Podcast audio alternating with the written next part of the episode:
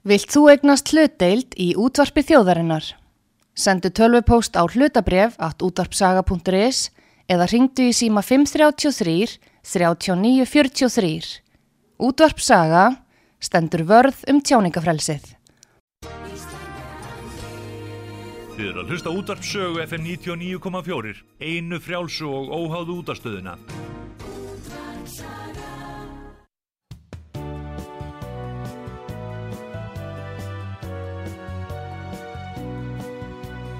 Síðdeðis útvarpið á útvarpi sögu í umsjón Pétur Skunlökssonar.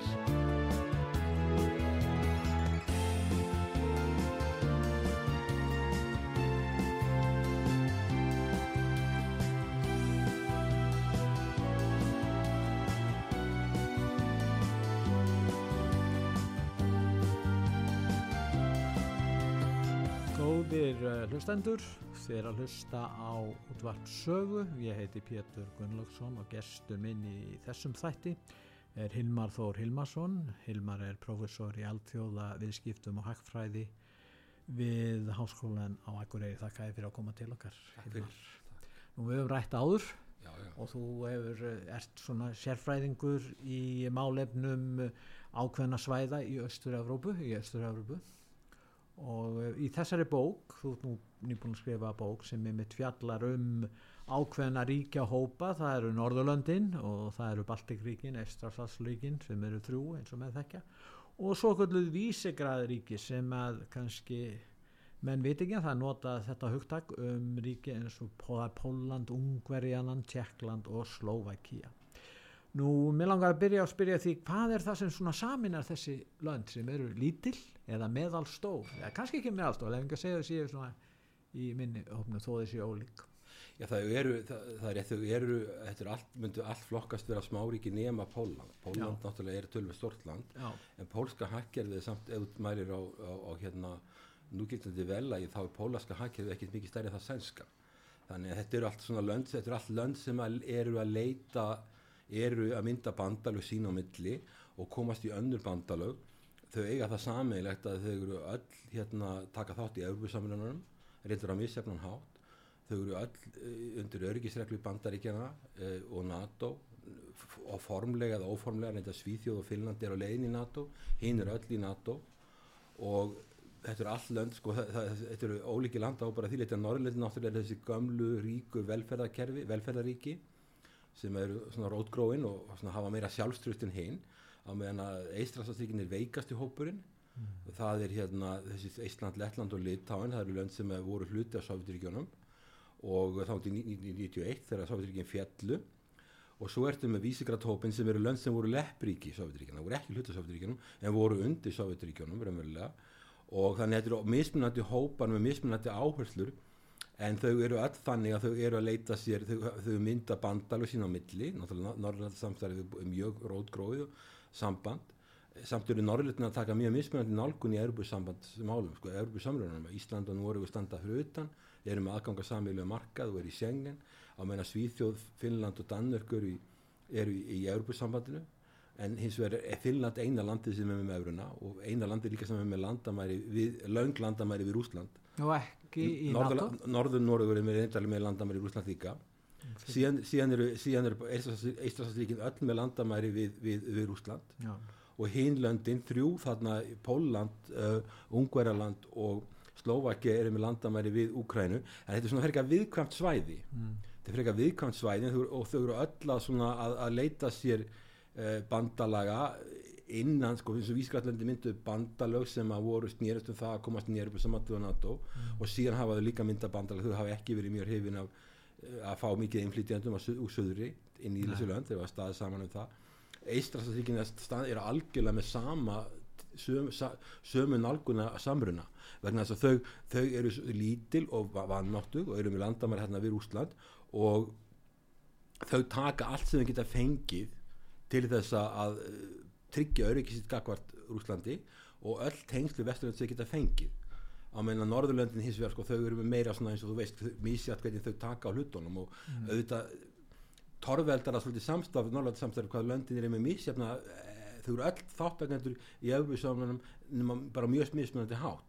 Var til NATO náttúrulega er það að breyta þannig að ef að Svíþjóð og farin ef, að- að Svíþjóð og Finnland farin fljótlega sem maður rekna með að þá náttúrulega er öll komin í NATO, öll Norðurlöndin.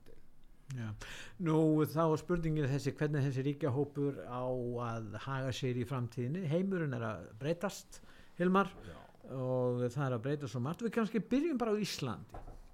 Nú er Ísland í Atlasasbandalæginu Ísland er á Evróska efnahagsvæðinu nú Ísland eru þetta í Norðurlandaráðinu og Ráðherraráðinu þar eins og við erum hluti af Norðurlandum og við erum auðvitað í hérna, tre, hérna ÖSE hérna Öryggis og samfunnu uh, stopnun Evrópa, við erum í, öllum þessum alþjóðastofnunum eins og Evrópuráðinu, alþjóðabankanum og SID og svo framvist.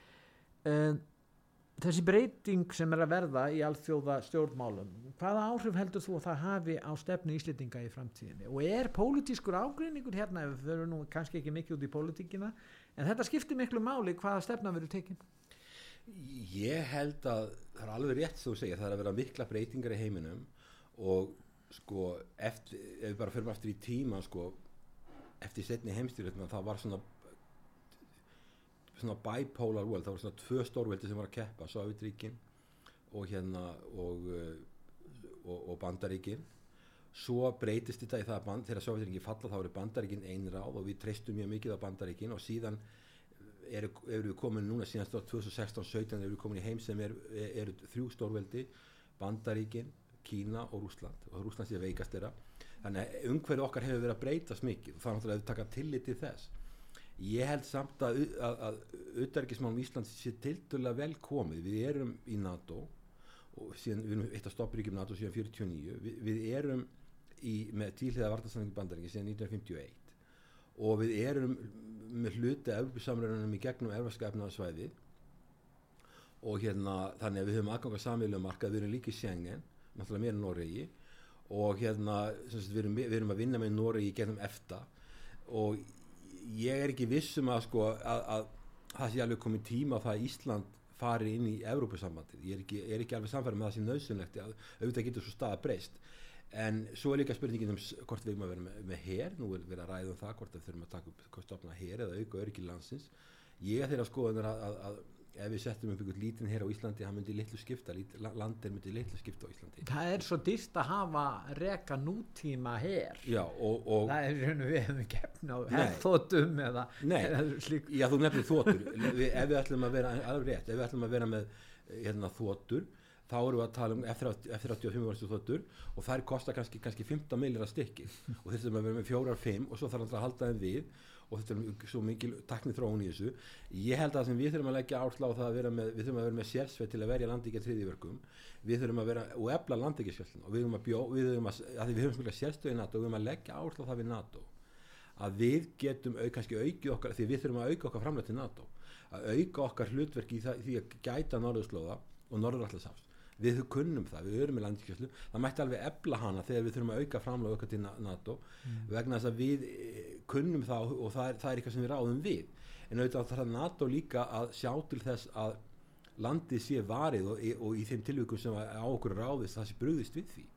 Já. og hérna auðvitað erum við ekki með sko, varnarlega fór 2006 og um þetta hefur verið spurt til dæmis Jens Stoltenberg kominga fyrir nokkurum árum og var spurður af því að hverju er með sínilega varnir í landinu og hann sagði eitthvað þá leið að, að varnir Íslands þyrfti ekki endilega að vera á Íslandi en þú getið þetta vel í kringum landi mm. þannig að auðvitað að bera bandarækjumenn og NATO ábyrða örgilandsins og það væri ekki ég, það er algjörlega ljóstælt í að bandar, hvorki bandarækjumenn eða, eða erum sem myndu vilja hugsa til þess að Ísland fjalli í hendur ykkur annað stórveldis.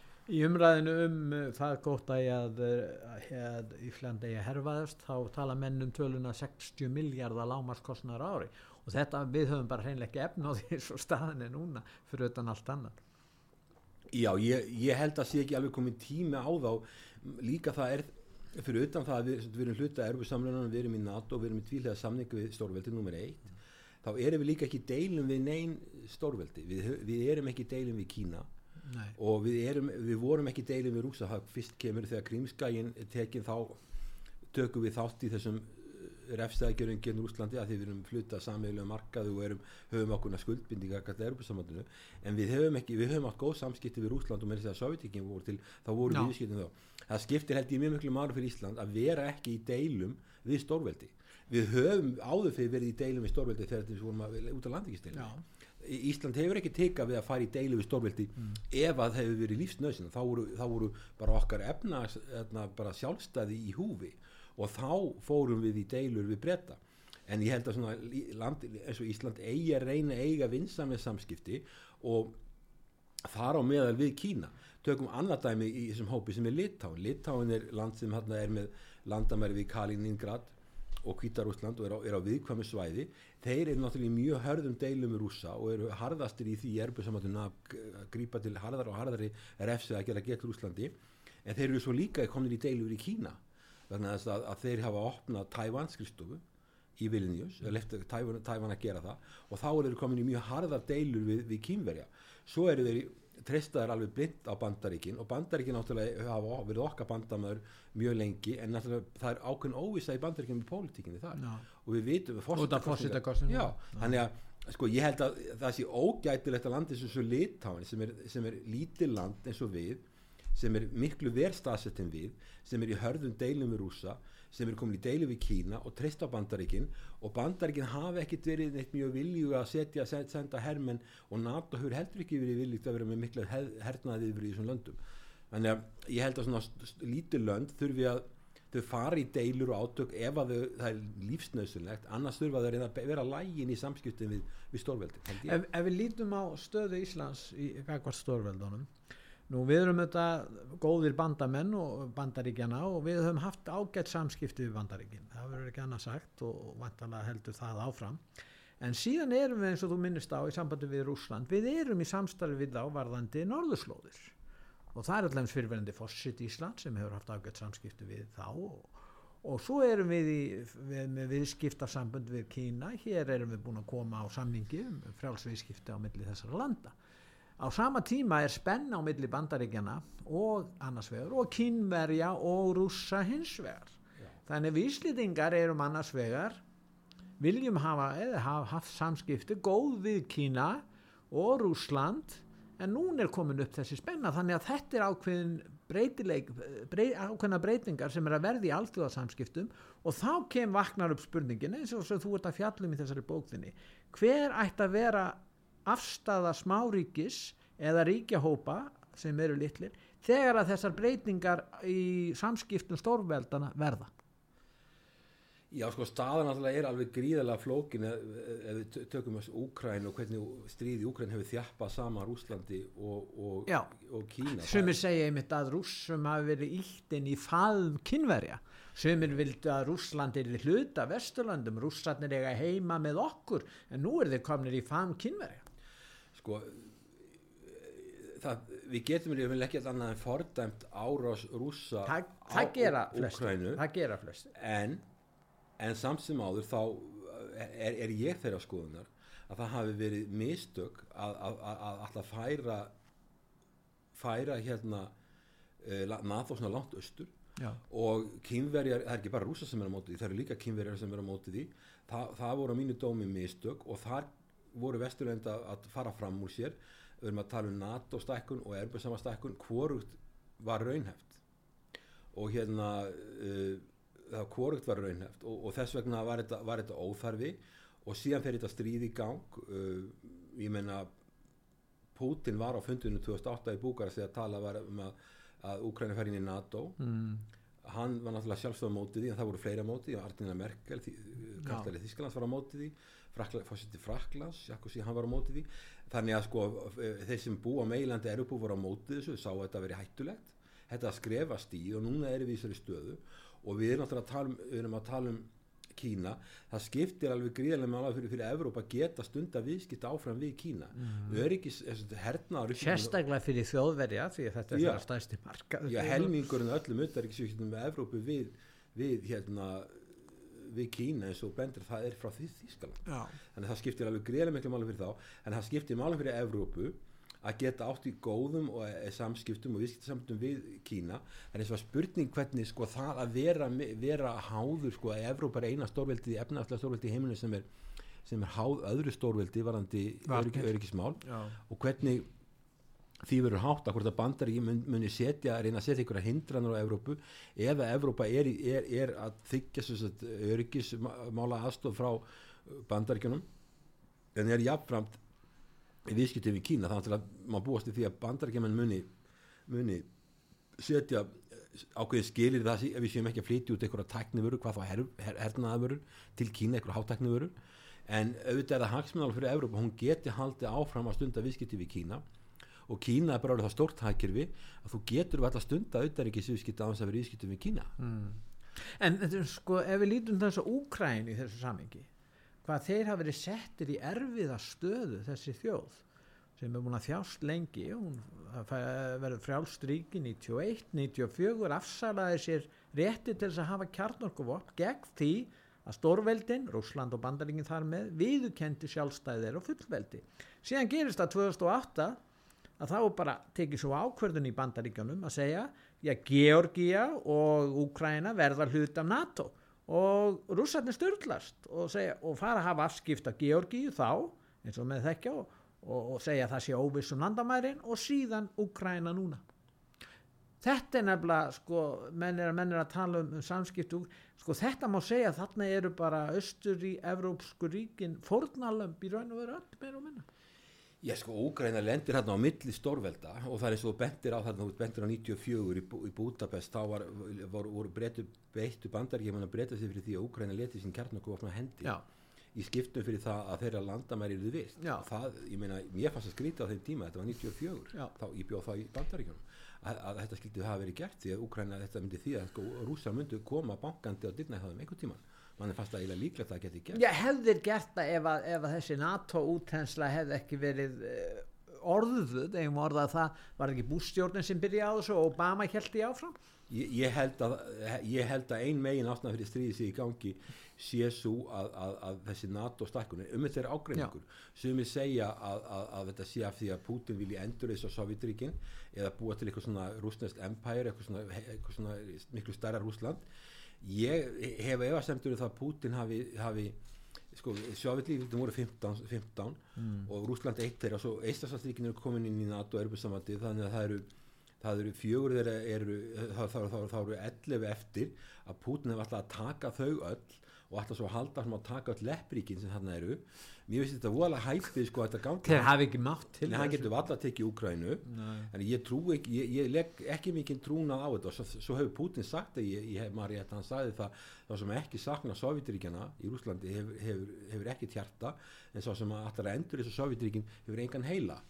Þannig að sko þetta er Þetta, þetta, ég held þetta hafi verið óþarfi Úkræn hafi ekki verið gerði neitt greini, greiði að vekja falskar væntingar um NATO aðild og Europasamandvæð þegar að það var raunverulega engin me- meining á bak við þetta og það er því það að Úkræna verður vígvöllur og Ú- Úkraina, til dæmi bara tökum sem dæmi, Úkraina verið sjálfstæð 1991, þá er Úkraina ríkar heldur en Uh, með herri verka landframleysla mann heldur en Pólland. Núna er Úkraina þegar 2022 þegar stríði þegar var áðast á Úkrainu þá er hún kannski með einn þriðja af verkum landframleysla Póllands. Og núna veit ekki hvað það er, hún er bara framleyslan hefur þurkast út og landir elgir upplöst þannig þetta er náttúrulega mjög alvarleg staða að skildi ekki vera hægt að koma í veg fyrir þetta og það var ekki hægt að koma með, að koma með einhvers konar fæl, fælingamátt sem að koma í veg fyrir þetta gerðist. En þetta eru orðin hlutur og núna bendir allt í þess að þetta minni halda áfram vegna þess að sko krafa Úkrænir að fá all land tilbaka og frá rússum og rússa mun ekki fallast á það. Og síðan er krafa hérna rússa Úkræna viðkenni þessu lönd sem búið að svæði sem búið að taka eitthvað 120.000 fer kilometrar austur Úkrænu og svo Krímskæin og það náttúrulega líka ósættilegt og því miður þá þýðir þetta það að, að, að, að þetta heldur áfram. Sko Macron fósitt í Fraklands hefur sagt sko Úkræna verður að vinna Já. en Úrsland má ekki tapa það gengur ekki, það gengur ekki þú getur ekki það, það getur ekki, getur ekki báður unnið og ef það er eitthvað sem vinnur þá er hinn tapar En getum við ekki sagt að Úkræni hefur þó ákveðna stefnu, rússandir hafa ákveðna stefnu, en Evrópa þykist hafa einhverja stefnu en hefur raun og verið enga stefnu í þessu máli. Er, er það ekki bara, eh, sko, í raun og verið það sem er að gerast? Þess vegna veit Evrópa ekki hvaða skref hún á að taka og síðan er það Bandaríkin og Pólland og kannski Bretarnu sem er ekki lengur í Evrópusambandinu sem eru að taka svolítið harðastefnu og hinn svona fylgja með. Já, það, það var, ég held að hafi verið í mars í fyrra sem að Selenski var komin með ykkur hugmyndur um að Ókræna er því sjálfstætt hlutlust ríki og ekki, fær ekki NATO. Það var komin ykkur svona lausn en síðan hefur hún verið sagt, sennilega bandaríkinn og Breitlandi, hann þurfi ekki að semja heldur geta hann unni stríðið. Og það er það sem er sagt og þá, þá er haldið áfram þessu stríð þessu heyrir maður, ef maður heyrir viðtölu bandaríska stjórnmálamenn já, bæði öldungarleildinni og annar þeir segja að þeir geti og það verði þeir selinski og ókrænumenn verða að vinna stríðið og hérna þeir geti gert það og það sé líkur á því.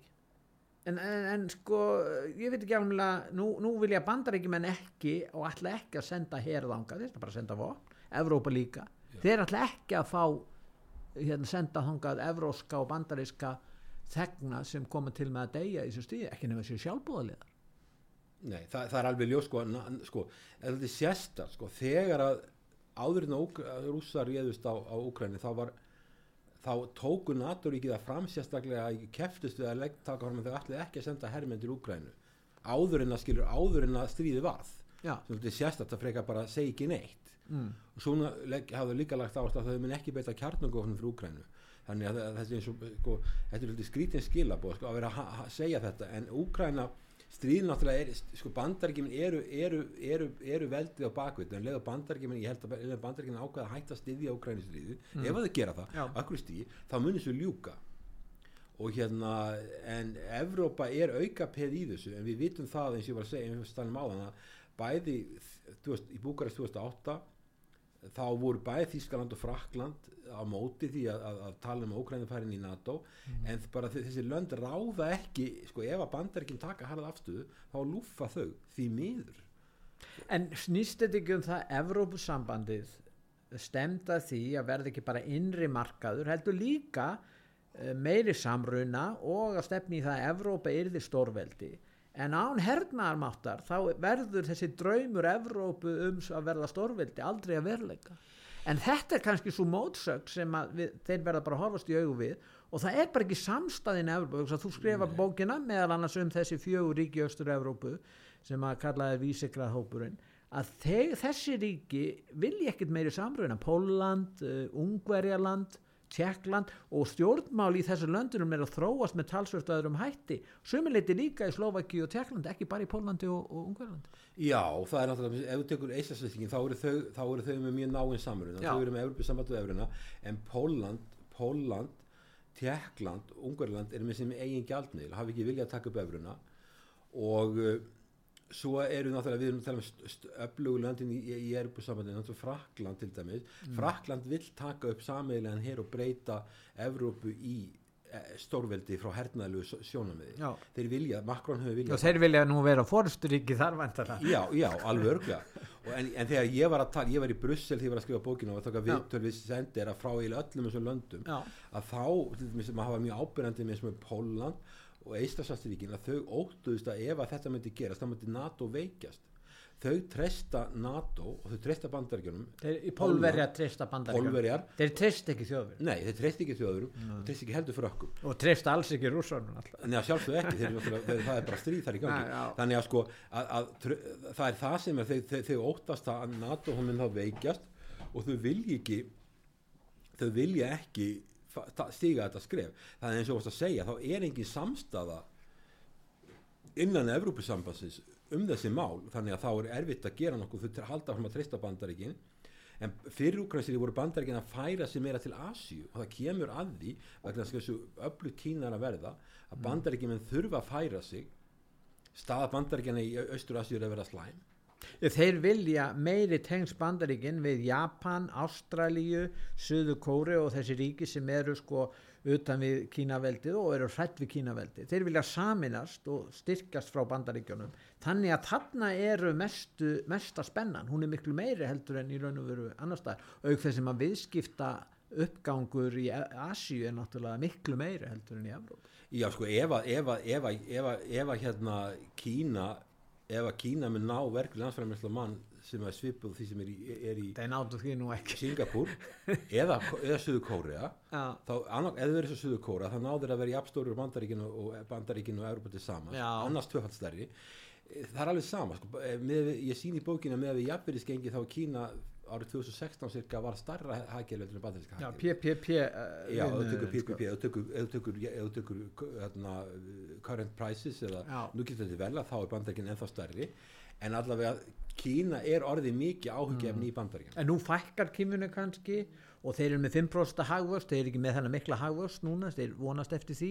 Þannig að það voru mikla breytingar. Sem segja að japanska veikin sé að kannski að ganga í garð hjá kýmverjónum Það gæti gerst, en allavega þeir eru bandaríkjaman eru mjög nervisir og þeir eru og að Já. þeir eru að mynda bandalög. Þeir eru með kvat, þá eru þeir að vinna með Indlandi, Japan Ástralíu og svo kom Ógus núna og þá ertu komið með, komið með hérna uh, Bandaríkin Bretland Já. og Ástralíu allt enskumælendi ríki, allt, allt nátengt ríki menningarlega og ég lít á ég lít á, Austur, ég lít á Ástralíu sem hluta bara Vesturlöndum þó hún sé ekki í Evrópu og Norður Ameríku Já, engi sastinska bandalagi þar Já, segja. Kanada, Já. Bretland sem er utan við Brexit, Bandaríkin Ástralía og kannski Nýja Sjálfland sem skiptir minnamáli þetta er að verða ákveðið afl og þeir standa orðið saman þessi englismann Já, þau standa saman en það, það er að því þau eignast er með sameigilegan óvinn og menningarlega eru þeir svo tengd. Já, þetta er sama, sama stjórnkerfi, sama efnaðaskerfi, sömu gildi, sömu mm. viðhöldu mannréttinda, Já, allt það sama, þess vegna passa þetta alveg saman.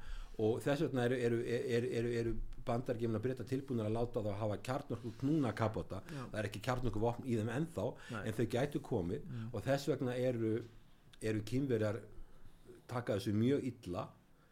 En, en, en hins Ástralja eru 25 miljónir svipaður fjöldi og all Skandinavía eða Norðurlöndin saman Já. þeir hafa mjög miklar ágjörð því að kýmverjar munir hekja bandaríkinn úr Asíu einhvern tíman og þá munir þeir standa berskjaldadir þess að þetta var mjög erfið ákvörðun fyrir Ástralja hvort er ætla, að hafa mikil umræði Ástralju eigum við að fylgja Kínamálum eða eigum við að fylgja bandaríkinnumálum þetta var mjög erfið ákvörðun og þeim líður ekkert vel, ég menn þetta er mjög erfið En þeir selja náttúrulega kynveri um hráefni, það er þeirra helsta viðskiptaland Já. og kynverjarnir neitt, þeir verða kannski að kaupa af ástralíumönnum þessi hráefni sem þeir hafa. Já. Ég veit ekki, þannig að það er svona eitthvað ástar hatur samband þarna á milli, er Já. ekki orðað að þannig? Jú, það, það er náttúrulega sko, lang stærsta viðskiptaland hérna Ástralíu er Kína Já. kannski 40 En, en það hafa þeir ekki verið einnig kreppu, þeir voru ekki kreppu 2008. Nei, Nei, þeir sluppu við hana vegna þessara viðskipta við Kína sem fór aldrei í gegnum þá kreppu. Þann- þannig að ef þú skoðar ást, ef þú skoðar austur Asíu þá er það sem er svona þessi, dilemma sko, sem lönd, vandamál sem þessi lönd er í að þau eru að horfast í augu við það að þau eru að háð bandaríkinn mjög örgismálum Já. en Kína í auðaríkisviðskiptum í alþjóðaviðskiptum, það eru að háð þeim viðskiptum, Asía er Asía og náttúrulega tengist Ástralía inn í þetta og Nýja Sjáland Mm. þetta er ofsalega sérhæð starfsemi mikil sérhæfing Já. Mikil starðar, nýta stærðarhækvami það kallar economies of scale, stærðarhækvami gríðarlega sérhæfing og svo eru vörurna setta saman í einhverjum einum stað, oft í, oftast í Kína það getur verið í Tælandi, þetta er ábáslega mikil sérhæfing, það er ekki sameilu margar eins og erbjörnsamandið, en ábáslega mikil sérhæfing og þess vegna hefur Asia sem er svona Östur-Asía sem að hástu þeirra hefur verið leittur af miklum útflutningi Já. mjög miklum útflutningi þeir eru mjög háður útflutningi og hérna þannig að sko Og vilja hafa góð samskipti við bandaríkin út af þessum stóra bandaríkin. Já, þetta er ólíkt því sem voru með Sovjetríkina það, það voru engin samskip, viðskipti myndi eiginlega engin viðskipti myndi Sovjetríkina og, ba og Bandaríkina en Kína og Bandaríkina það eru gríðarlega mikil viðskipti. Og svo viðskipti við Evrópu og svo viðskipti innan Asíu. Þannig að sko að vera í þeirri stöðum svo Ástralía að vera núna í hörðum deilum við Kína og vera með 40, kannski 40% af öllum utanríkisviðskiptum Ástralíu við til dæmis við Bandaríkin og Evrópusambandi eru miklu, miklu minni. Þannig að sko Ástralía getur hást í augu við að verða fyrir tölvurum svona búsíðum efnaðslega en eh, en hérna, en það er bara þannig hjá þjóðum ef að öryggisaksmunir eru í húfi og efnahagsmunir þá hafa öryggisaksmunir hærra vægi og þeir hafa ve- sem var ekkit auðvöld fyrir þá að velja að vinna með bandaríkjunum.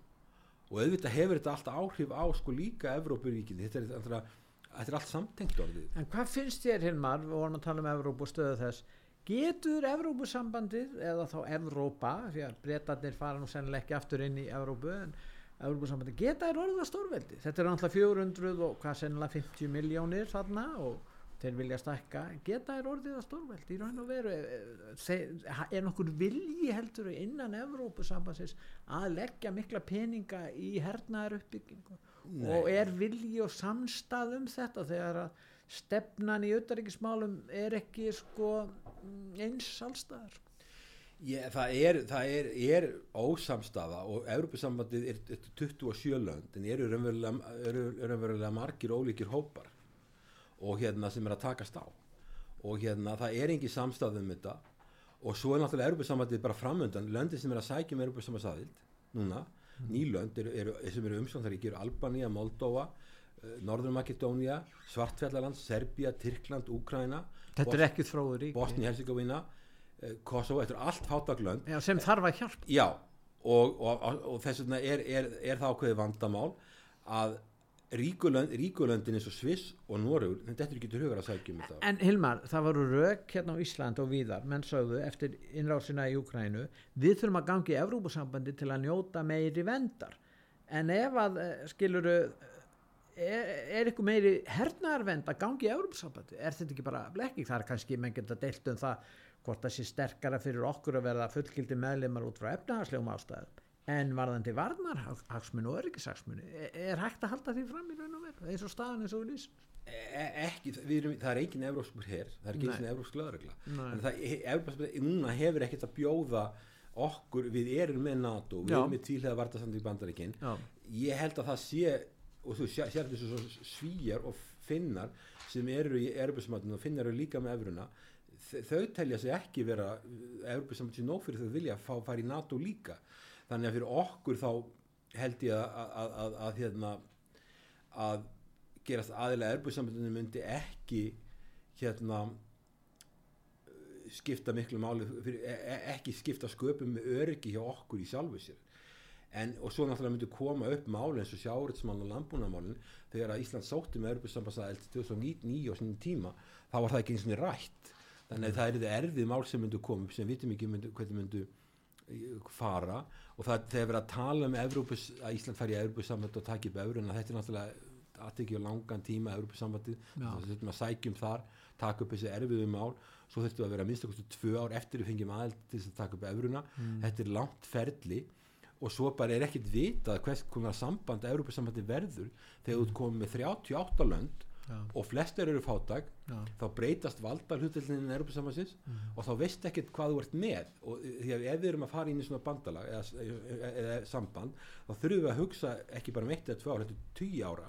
Hvernig verður þetta samband? Og það að- minnst að vanta svolítið umræðina menn er að tala um bölva krónunni og nú að hækka stýri Já. þetta, skilur, þetta er svoleiðis umræða. Já. hún skiptir máli að vissu leiti Já. en það er svo margt annars sem skiptir líka máli eins og þú varst að segja. Þetta eru aðalega fátaglönd þau eru öll með mikla væntingar um að fá mikla aðstóð Já. og, og í þessu Tyrkland sem er búið að býða í 24 ára komast í Evrópusambandið með 85 miljónir manna, Úkræna með 40, með 41 miljón þegar árið stríðið var gert sem er bara búið að sprengja aftur í við, búið að eiðilegja og það að byggja þetta upp er alveg gríðilega mikið átak. Góðir hlustendur þeir að hlusta á útvarp sögu, ég heiti Pétur Gunnlaugsson og gerstur minn í þessum þætti er Hilmar Þór Hilmarsson, hann er prófessor í alþjóða viðskiptum og hagfræði og við erum að ræða um utaríkismál og ný útkomna bók eftir Hilmar en við ætlum að hlýða núna á ölsingar og eftir ölsingar hlýða þá höldum við umræðinni áfram.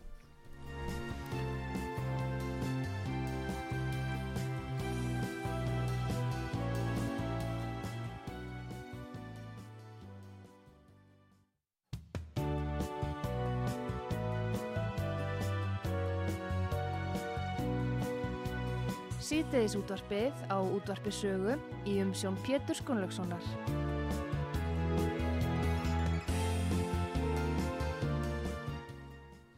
Góðir uh, hlustendur, þið að hlusta á útvarp sögu, ég heiti Pétur Gunnlaugsson og gestur minn í þessum þætti er Hilmar Þór Hilmarsson, prófessor í alþjóðaviðskiptum og hagfræði. Nú Hilmar, uh, já við ætlum núna að ræða um, um uppgang Kína og hvernig eiga þessi ríki sem þú skrifur um í þessari bók, þar á meðal Ísland og Norðurland, að aðlegast þessari, þessum breyttu aðstæðum í Asíu. Og Kína, nú er það þannig að það er spennaríkjandi á milli bandaríkjan og Kína. Uh, Evrópa þarf að treysta á varnir bandaríkjan og þar á meðal Ísland. En við þurfum líka, og sérstaklega Evrópa á þessum viðskiptum við Kína að halda þetta er erfitt vera. Já, það er náttúrulega sko Kína er orðið svo stórt hagkerfi og þetta er, þetta er fyrst og fremst útflutningslega hagkerfi. Þannig að það, þau háðu viðskiptum og, og hérna Kína hefur áhuga á því að, að hafa meiri áhrif í Evrópu. Það gerist bara, fyrsta lagi, sko, þegar þeir vera svona öflugt ríki, þá eru þeir náttúrulega þeir eru fannir að ít, þáldi, þeir eru komin í deilur við lönd í kringu sig og vilja íta bandaríkjunum út úr Asju, en svo fara þeir að reyna að í Afríku, í Suður-Ameríku og svo í Evrópu. Og, í, og löndin sem við vorum að fjallum er Eistrasvarsríkin og síðan sérstaklega Eistrasvarsríkin og líka Vísigrætlöndin eru lönd sem þurfa mikla innviða fjárfestingar og þau líta til Kína til þess að, taka þátt í því sum þeir allavega En það dýrst að eiga viðskiptu við Kína fyrst mörgum. Já, sko, að fá dýru lánin Já. og síðan fara þeir og gera kröfur um að þerra fólk standa að uppbyggingunni Já, flytja inn vinnuaflið. Já, það er rétt, sko, Evru, Kína fylgir ekkit endilega Európa-sambastöðlum heldur. Nei. en allavega það eru löndarna sem að vilja fá fjármagn og vilja eiga í viðskiptum. Og það er þetta, ég nefndi þetta 16 pluss 1 initiative sem er varandi innvið og tengis beltan rót belt og braut, þeir vilja vera, vera með það og það, þessi lönd litáin saði þessi frá þessu nýlega.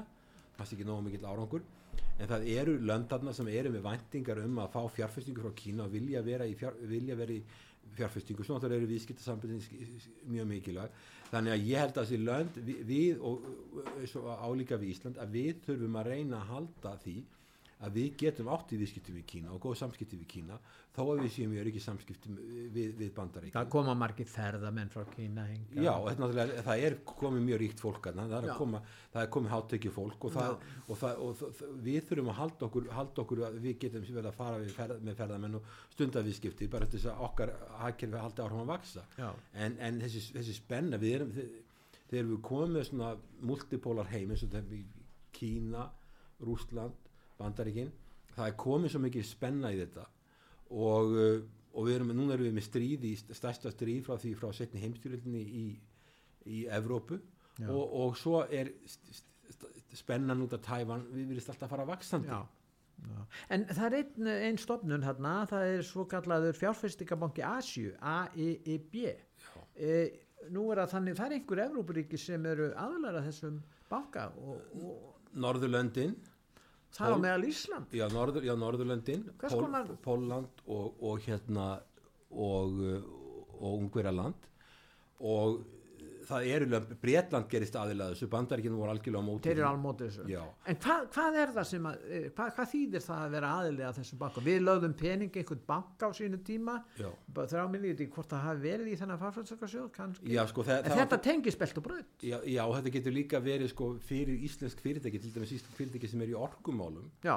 vilja vera, vera þennja sig út í orkumálum til dæmis bara jarðhitta eða eitthvað slíku í Asíu að þá getur verið, verið, verið gott að vera aðeins sem banka bara upp á það að fá aðganga fjármagni og, og kaupa tryggingar og slíka hluti til dæmis getur stjórnmál áhættu eða eitthvað slíkt. Mm. þannig að ég, það, það er íslensk fyrirtæki sem hafa verið að, að, að hérna, skoða möguleikana á fjárfestingum í Asíu og samstarfi við Asíuríki og þá er Kína eitt af þeim löndum. Og þá gæti verið kostur að vera aðilega að þessum, banka og það, það, og það, að, það var ákveði hér á landi aðri svæðabankar sem eru í gangi eins og Asíubankin við gerumst ekki aðilar á honum og ekki heldur aðilar að Inter-American Development eða, eða Amerikubankanum og við erum heldur ekki aðilar að Asíubankanum en þarna var greinlega ákveðið að breyta þetta til Já. og ég held að Íslandingar hafa aðalega verið að hugsa um, um viðskipta hagsmunni mm. það er spurningi hvað þessi banki með fjárfæsta mikið utan, utan Asíu sko.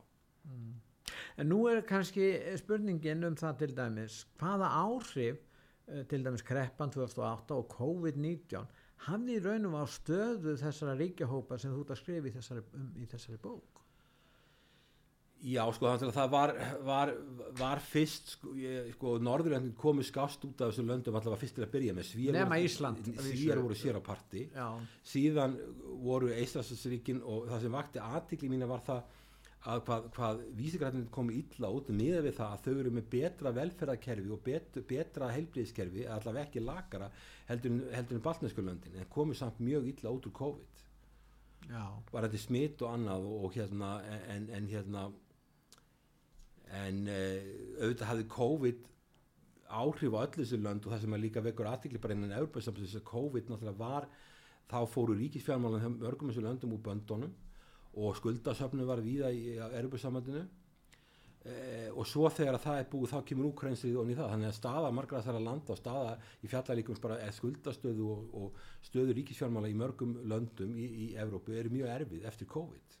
Við erum að fá hverja kreppinu hættur annar við fáum kreppinu 2007, 2008, 2009 síðan fáum við, síðan fáum við COVID svo fáum við úkrænstrið þannig að staða Evrópu undanfarið hefur verið mjög erfið út af þessu og þessi lönd hafa náttúrulega orðið fyrir áhrifum Er nokkur hagvöstur í Evrópu núna? Það er að vísu hefur verið einhver hagvöstur í nokkru löndum en kannski Írlandi og, Luxemburg en, en svona í, í þessum löndum þá, þá er til dæmis uh, söður Evrópuríkjónum og annars þar. Ég, það er hægur, er efri svæðið þá er bara, er bara mjög hægur hagvöxtur Mm.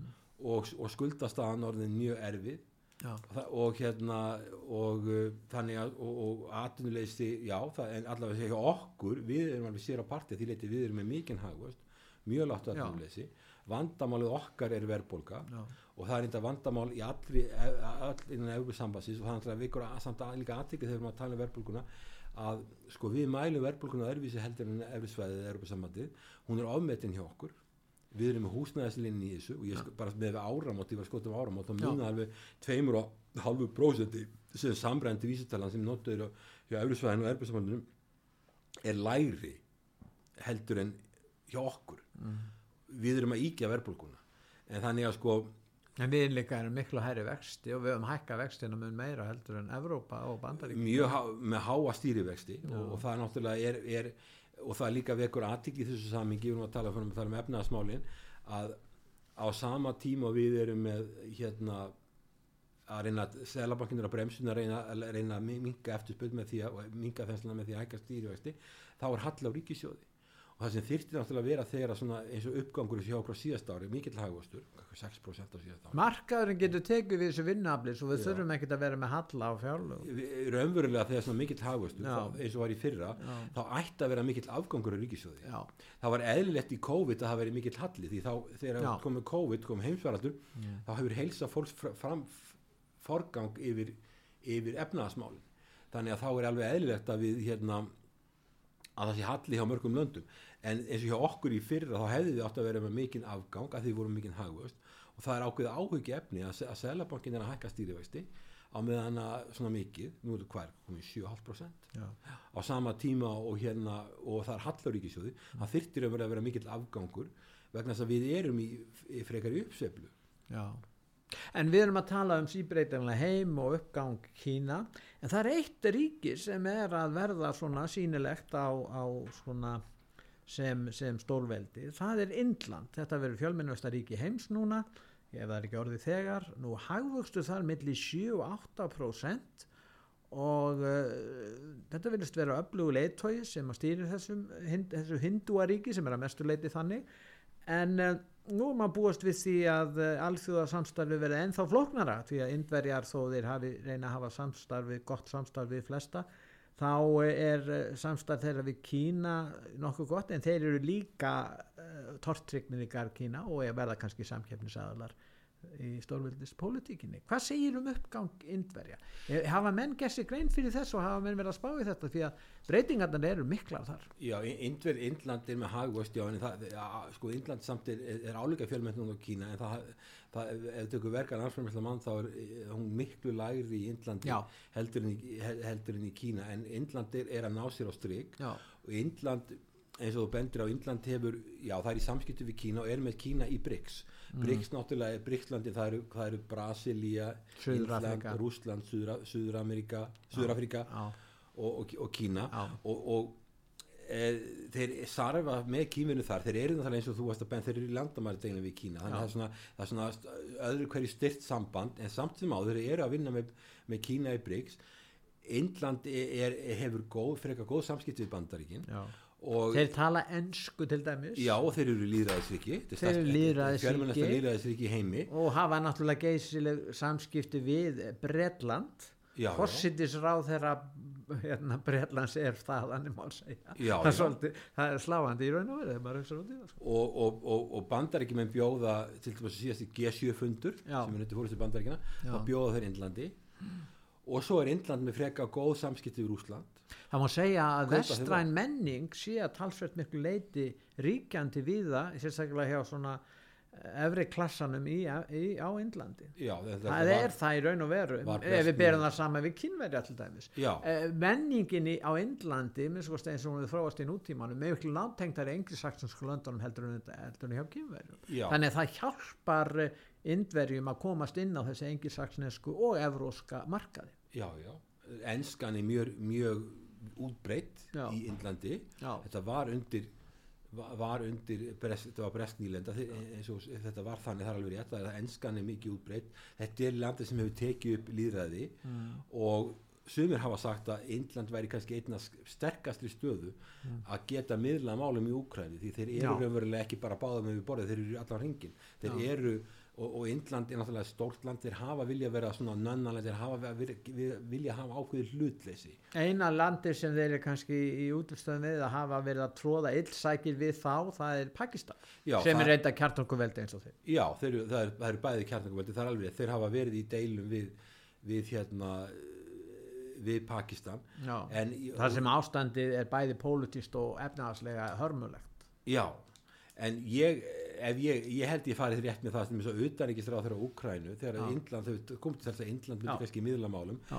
að Úkræna hefur ekki tekið því neitt illa, Nei. þegar Indland gæti komið það inn, því að núna er Kína kom með einhverja 12 punta hvernig hægt var að leysa þessi mál, því er ekkert vel tekið í Washington. Nei. Það er ákveðin tortrygni, þeir náttúrulega eru í bandalagi með rússum Já. og, og sko Indland er líðræðisríki á meðan að Kína er einræðisríki Mm. og bandaríkin eru með þá stefnu að það vilja útbreyða ekki bara markasærkið, heldur líðræðum allan heim. Og þess vegna er ákveðin tortrygni í garð hérna í, í garð sko hérna Kína og, að, þeir, að þeir séu ekki aðlið sem að, sem að getur, getur hérna miðlað málum. En Indland kannski eins og nefndir Indland væri kannski einna helst landið sem gæti gert það Nú þá er kannski ef við förum svona að spyrja kannski að lokum hvaða leiðir Hilmar ættu þessi ríki, þetta eru tólf ríki sem út af fjallum, það eru Norðurlöndin 5, það eru Baltik, Eistrasalslöndi 3 og svo ríki hann í Östur-Európu 4 þetta eru tólf ríki. Og svona og önnur ríki í Evrópu hvaða leiðir væru skynsanlegastar að fara vegna þess að í þessum málum? Það er eh, að hérna út af þessari spennu sem ríkir og breytingu sem er að verða í alltjóðamálum Sko ég held að þessi lönd, þessi lönd hafa all, all tekið upp líðræði. Eru, eru, eru Rótgróin rótgróin líðræðsríki og velferðaríki Já. og, og Eistafslandsríkin voru bara sluta En það er ríkjandi svolítið frjálsíkju við þó, sérstaklega í Íslandi. algjörlega, ég meina það, það, vekur að sérska aðtikli þegar Eistafslandsríkin tóku, tóku sjálfstæði að þau tóku, tóku ekki velferðarkerfi svo Ísland tóku velferðarkerfi upp til Norrlöndum, þau litu til Chicago til Bandaríkjana og tóku mjög hægri sinna kerfi með flata Milton já, stefnu. Gerðu það en þau eru samt sem áður líðræðisríki Já. og horf, eru, eru mjög nátengt bandaríkjunum horfa mjög til bandaríkjana og það eru mjög margir sem, uh, íbúar þeirra sem búa í, í bandaríkjunum bara þeir flúðus Sovjetríkin og svo er náttúrulega vísgrætlandin líka líðræðisríki, öðru vísi þau eru miklu næri Norðurlöndan með því leiti að, að skattkerfi þeirra og velferðarkerfi miklu næri Norðurlöndan þau hafa náð ótrúlega góðum árangri í velferðarmálum hvaða minni fátaktar og meiri tekjujöfnur heldur í Eistasvæðsríkjum þau eru með þess að bara nálagt Norðurlöndan Já, það er svo í Pólandi þá og, og, og Ungveriland. sérstaklega, sérstaklega í Tjekklandi og, og, og, og, og, og og Já. gamla Tjekkoslovakíu hefur náð góðum árangri í velferðarmálum. Já. þessi lönd náttúrulega eru líðræðsríki þau, þau, þau, það, þau eru vestræn þannig að ég held að sé ekkit annað í spilunum fyrir að halda áfram að vinna með bandaríkjunum og halda, halda áfram að vera í NATO og halda áfram að vinna með bandaríkjunum halda áfram Evrópusamlununum og vinna innan Evrópusambansins eins og þau geta eh, og halda góðum samskiptum þannig. Og ég held að þau þurfa að halda góðum tengslum með bandaríkin en þau þurfa að reyna að fara byrja begja þannig að geta átt samskipti við Kína og önnur ríki. Og það skiptir miklu máli að það gangi upp þess að annar, annars getur hægt á hagvæst í þessu löndum ef að, ef, að, ef, að, ef að á að einangra þau. En við erum bara komið með svo mikil átök millir stórveldana núna að við vitum ekki hvernig það lendir. Við vitum þess að sáum það með Ástralíu þá var bara sagt við Ástralíu annarkort er þið bandaríkinn, annarkort er þið með okkur. Eða mót okkur og uh, þessi, Evrópa hefur svolítið lent alltaf inn á milli. Og, en hvernig það þróast það veit ég ekki. En allavega sko með við stjórnkerfi sem þessu löndur eru með með við efnaðskerfi sem þau eru með og, og, viðþótt til, til, mannréttindamála og, gild, og gildin sem þau eru með þá tilheyra þau vest, vestræna heimi En er ekki besta tryggingi fyrir friði meiri bara viðskipti á millilanda heima? Jú, Ef við svona hefum alhæfi í þeim mál. Jú, það, og það er dapulegt sko, þegar þessi lönd er að koma úr COVID Já. og, og búin að fara ekki til mikla erfileika Já. þegar þau þurfa að fara að taka á sínum velferðamálum og byggja upp sín mentakerfi og byggja upp sín heilbriðskerfi að þá kemur og, og, og þau eru standa ekki sérstaklega vel þá er, kemur skipun að auka stór, út, stór auka útgjaldir hernaðamála og, og það er náttúrulega það, er daburleg staða eh, sem kemur þar upp. Og þess vegna hefði að mínum dómi verið þurft að ganga mjög langt í að reyna að koma í vekk fyrir þetta ókrænustíð en það bara varð ekki. Og uh, það það, og það, ég, ég förða mig á því að að á vesturöndum skulle eiginlega engin skilningu vera, vera fyrir því að uh, þó ég fordæmi að sjálfsögðu innrás rússa í Úkrænu Sem er náttúrulega brot á alþjóðalögum, já, skapaði viðstyggilega stöðu og mikla þjáningar. já, að það sé ekki að vera að koma í vekk fyrir þetta. Já. er, er, er dapulegt fyrir Evrópa og Evrópa verður illa út í þessu. Bandaríkinn fara ekkert svo illa út úr þessu sennilega og kynverjar Græða þetta er gott fyrir þá rússar tapa á þessu en ekki nættinins mikið Úkræna og fyrir kynverja þeir geta þeir geta aukið sínu auðverkisifskipti við, við Rússland og Já. fengi gas og, og alls konar semst, þeirra auðlindir Já. á lægra verði Þeir eru að þjána mjög mikið. Og- Fá, og fá, þú- fá, fá þetta Já. með afslætti. Já, og Og, stýra því. Í raun og veru má segja, kannski ekki fallið að segja en í raun og veru getur Rússland bara orðið hjálenda Kína í raun og veru. ég rússar eru orðnir mjög háðir, háðir Kína og maður veltiði fyrir sér þegar maður er að horfa á stóruðarsamkjöfnina að það hefði verið, ef maður að hugsa um hagsmunni bandaríkina þegar þú ert komin í svona miklu harða samkeppni við Kína Já. þá hefði verið betra fyrir bandaríkin að frekar að vera með rússa á sínu bandi að þú, þú ert komin í slag við tvö stórveldi já. á sama tíma og svo er annað sem hefur gerst í þessu, er, það er það, sko, það er, maður segja séu þrjúksvæði sem skipta bandaríkin mestu máli það er, það er hérna það er austur Asía vegna Kína Já. það er Persaflóin vegna olíu og það er Evrópa ve- vegna, og, og, og, það, og það er komið stríð í Evrópu sem náttúrulega er alveg skelfilegt stærsta stríð frá setni heimdjörðinni síðan í austur Asíu er, er þessi svakalega spenna með bandaríkjan út af Tævans og svo su, suður Kínahaf og austur Kínahaf sem er mjög erfið mál. En svo er staða bandaríkjana líka orðin mjög erfið í Persaflóanum vegna þess að þar eru Írak og þar eru Sáti Arabía og Íran fann að vinna með Kína. Já. Og þú sérst að sko að hérna Og þar tókst kynverjum að gegna því hlutverk að vera sáttasemjari á milli Íran og sátana.